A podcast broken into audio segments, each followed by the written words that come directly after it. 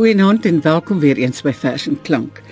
Vanaand is Daniel Hugo weer by ons en ons het 'n pragtige nuwe bundel waarna Daniel vir ons gaan kyk, naamlik waar die oog van stil word van Ilse van Staden. Dis 'n Protea boekhuis publikasie.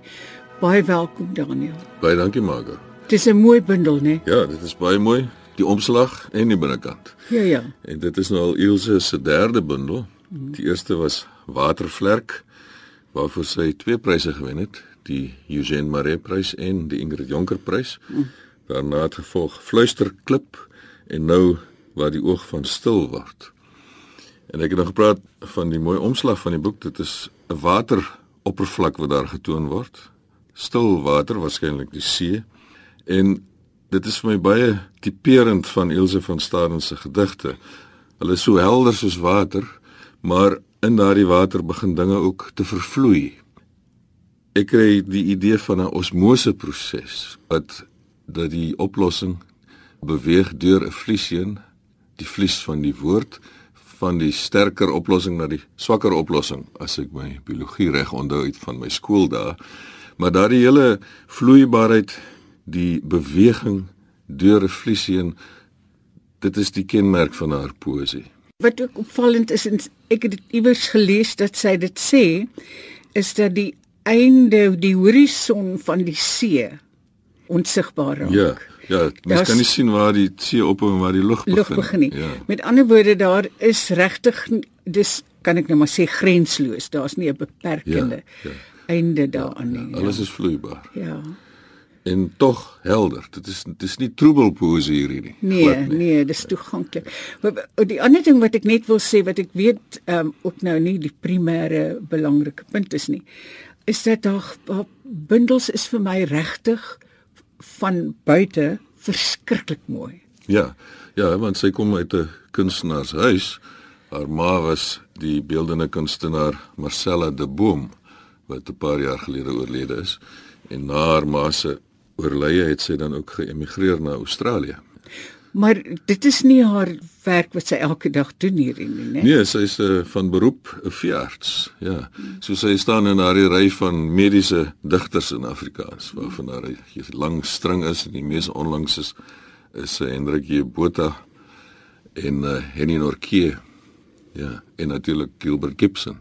Goed, gaan ons begin lees daaraan. Ja, ja, die eerste gedig wat ek wil lees is Oggendlig en dit bevat dan juis ook 'n waterbeeld. Oggendlig. 5 uur. Die mure dein terug en kaats 'n sagte oggendgloed die kamer in. Dis net net dag. 'n Stadige bewuswording van tyd se asemteue. Die slapelose ure word helder soos wat die donker opdrifsels wyk en oor die lakens spoel die dag in skuimende wit golfies uit. So die lig word beskryf in terme van golfies. Nou daar is iets soos liggolwe, maar golwe dui ook op water. En daardie selfde idee kry mense in 'n later gedig in die bundel, baie kort gedig, lig as golf. As lig soos water was en water lig, sou see soms verduister wanneer son en maan leegloop in mekaar. Wat vir my so lekker is is dat dit dat dit so toeganklik is. Ja, en dit is juis in hierdie gedig lig as golf wat ek daardie idee van die osmose proses kry. Leegloop in mekaar. En die vlies waardeur dit alles gebeur is, dis die woord. Dan 'n baie mooi gedig waarin die spreker haarself vermaan om nie te slaap nie, want die slaap is iets wat 'n mens kan vashak waarvandaan jy nie wil terugkom nie en dan is dit eintlik die dood. Moenie slaap nie. Moenie slaap nie. Stoot die vaak terug soos 'n lou wind in gordyne. Hef jou op en draai jou rug. Haal diep asem en sper jou oë wyd. Want wanneer die slaap kom, soos die brief van 'n geliefde en jy dit oopmaak, wanneer jou oë die waterige woorde sien, drink jy daarvan, sink jy daarin af en af en word op die bodem wakker sonder asem. Val weer in die gewigloosheid in. Snak en klou benoud aan die dun seewier wat soos reddingstoue om jou hang. Maar keer tog na die oppervlak terug met die skerp brandpyn in jou neus, asof jy byna verdrink het, asof jy eintlik wou bly. Moenie slaap nie. Stoot die vaak terug soos 'n nat wind.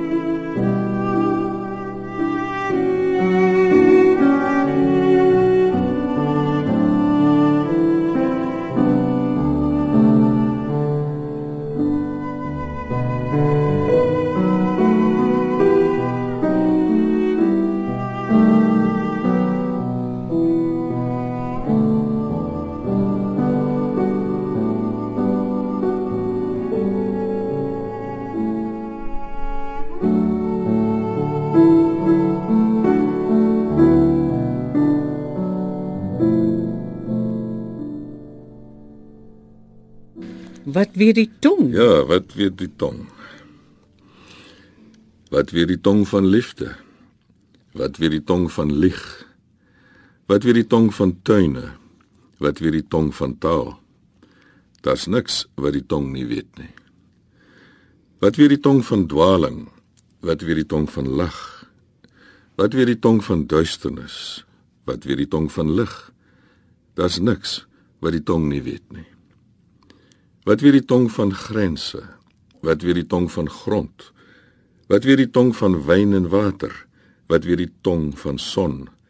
Daar's niks wat die tong nie weet nie. Van woorde en wind en water, van berge en bronne en beelde, van leemtes en stiltes en stemme, van alles wat eensaam of eindig is. Daar's niks wat die tong nie weet nie.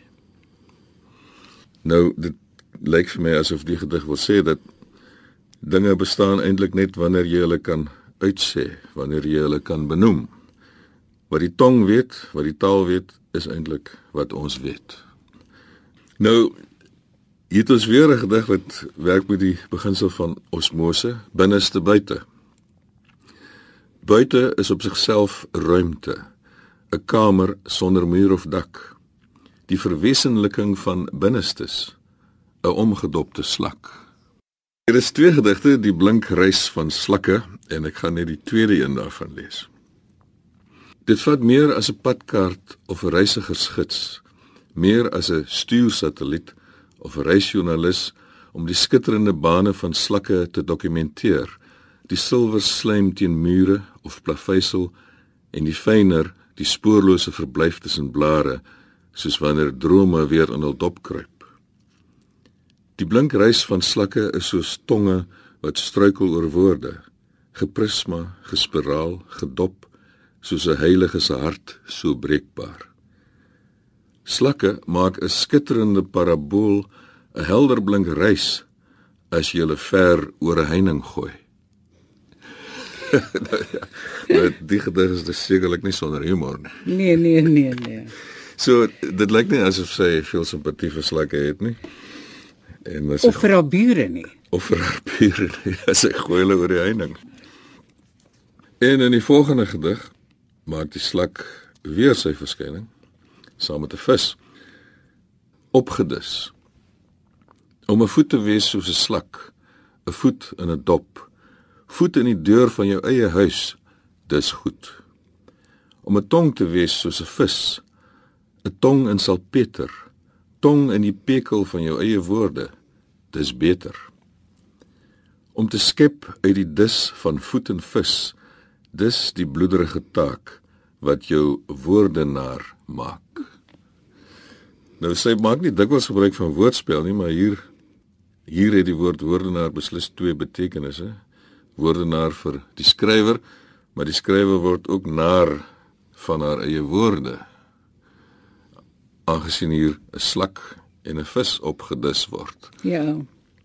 Dis 'n minder toeganklike vers, die, né? Mens moet 'n bietjie dink. Mens moet 'n bietjie dink, ja. Ja. Ja, t- sommige van die gedigte draai om klank en woordspel. En is die betekenis nie in die eerste plek van belang nie, lyk dit my, soos in hierdie gedig. Maar miskien praat ek nou nonsens. Ek dink so dan. Kom ons sny dit uit. En dan na die slak en die visgedig volg daar weer 'n visgedig. En die titel daarvan is Selekant weer.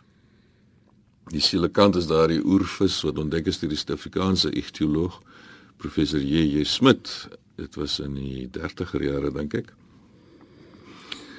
En sy het al in 'n vorige bundel in haar eerste bundel 'n gedig geskryf oor die selekant. Daarom is die titel van hierdie een Selekant weer. Miskien moet ek eers daardie vorige gedig lees Ja. uit uit Watervlerk. Hoekom het die selekant nooit die see verlaat nie? Hy wat tog voetig is. Wat is die sin van eeue lank vertoef in skop en vin as weierplekke wink? Ek dink daar is 'n ander sy aan hierdie waterbleiery. Dat mens koelbloedig lief kan raak vir donkertes en dryf in die primale prut se veilige vertroeteling. In elk geval, so diep kan visse swem dat selfs die selekant soms met voeterige vinne op die land se verdrinkte lyf kan loop. Dis 'n pragtige gedig, né? Dit is Ja. dit is inderdaad en nou selekant weer. Weer. Ek soek alweer na 'n vis met voete, onfunksionele, vinnerige goete. 'n Frats van 'n vis, 'n gedrog, 'n seefossiel al eeue dood en tog 'n droomvis vir 'n skrywer, 'n voetige, vinnige diepseedrywer. Wat ek net wonder is ehm um, die weer kan vir my eintlik 'n hele paar dinge uh, beteken. Byvoorbeeld ook die feit dat die selekant 'n uh, herverskyning gemaak het, Ja. as dit ware, ja, né? ja, hy was niemand het besef hy bestaan nie. Ja. Niemand het gedink so 'n oerdier kan nog voorkom op aarde nie. Of in die see nie. of in die see. nie, Ja. En dan nou die titelgedig van die bundel waar die oog van stil word. En dit is 'n gedig wat draai rondom woordspel en klankspel. En daarom nog 'n redelik digte gedig is. So word 'n oog stil alomstillend, uit gedistilleerde stilte gefortifiseer soos brandewyn die brandende lig en stil geleerd. Oogomstillend is die stilte ontstellend. Stilte gestel soos 'n wip. Verstelling veronderstel 'n kyker. Vanoggend golend ontgoochel, onoog die een oog. Bekyk soos 'n kikkerende kikvors. Paddaoog se bekykende kilte, stilgevriesde stilte. Ja, sy sy speel vreeslik met klanke en woorde hierso, né? Ja. So dis 'n uh, meer 'n uh, woordwerklikheid hierdie as wat dit iets is wat na die werklikheid verwys. Dis 'n klein heelal wat geskep word hier in woorde. of so iets.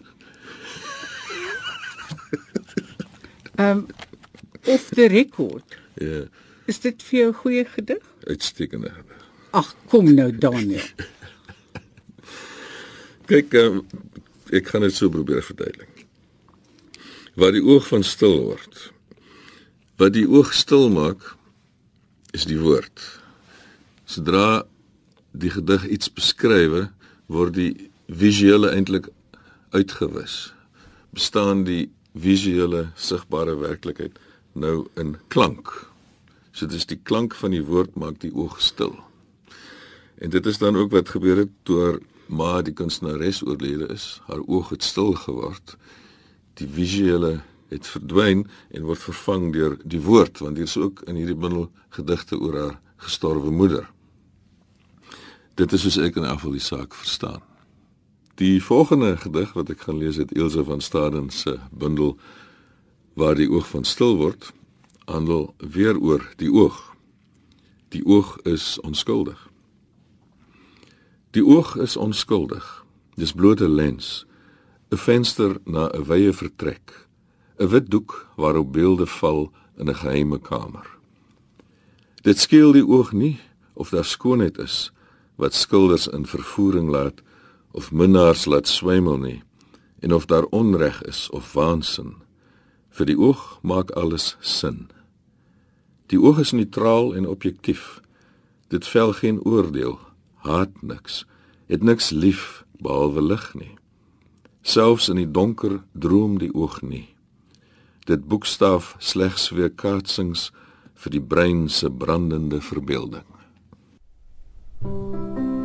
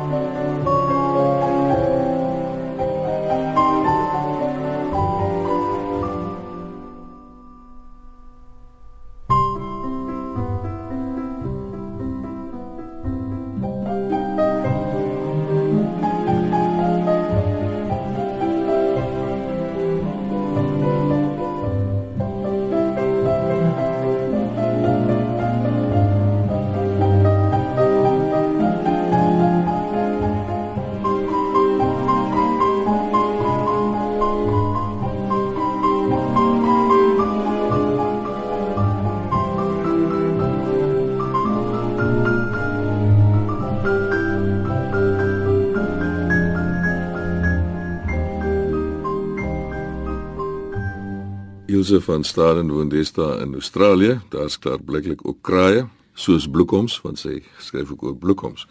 Nou eers die gedig oor kraaie. Hoe donker is dit om te skryf met die swart ink van kraaie op die ou mens blou vel van die lug. Die klad van hul skellende tonge soos druppende swaarde uit skedes. Om te skel in 'n voelvreemde taal, om die tong te verruil vir vlerke en saans die snavel in swart vere te steek en vereers van woorde te vergeet. Sy skryf natuurgedigte, maar die dinge wat sy beskryf in die natuur, klaar blyklik wat sy in Australië ervaar, is ook bekend aan ons in Suid-Afrika, soos kraaie en bloekoms. Dan die bloekoms, 'n kort gedig. Die bloekoms ontkleef van bo af skil uit hul skedes skilvriend bietjies bietjies blyel uit die bas en keer satijn geskilderde lywe skaam teen die wind. Mooi geteken ek sien dit. In die volgende gedig word 'n sikloon beskryf en die middelpunt van 'n sikloon staan bekend as die oog. En daarmee is ons dan weer terug by die bundeltitel waar die oog van stil word. Sikloon. Die oog het ons gemis. Ons wag, volg die sirkelende blik op weerkaarte en waarskuwings, kleurgemerk vir klarigheid. Verwant verwag ons die oog op ons gerig. Vergaar ons water, melk en brood, trek deure en vensters dig. Ons stoot dagtake op sy en buig voor die noodwendigheid soos palms in die wind. Ons luister na die ratel van reën en speur of ons iets kan hoor wat anders is, iets meer in die rukwind. Maar die oog het ons gemis. 'n Ander plek is uitgesonder, vasgepen in die blik.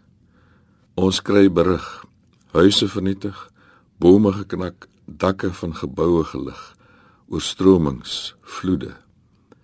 Ons in die hoek van die oog skaars 'n knippering, 'n toevalligheid, laterale skade. Die kyk is elders gerig. Die oog het ons gemis. Dis wonderlik. Ek wonder of sy dit regtig ervaar het, uh, die sikloon. Ek seker sy het. Dit moes. Ja. En dan die laaste gedig uit Elsa van Staden se bundel waar die oog van stil word, uitgegee deur Protea Boekhuis, het die titel Slotsom. Die see probeer ek met woorde weergee en die stilte ook hoe pervers. Daar's geen woorde in die see nie en geen stilte in 'n vers.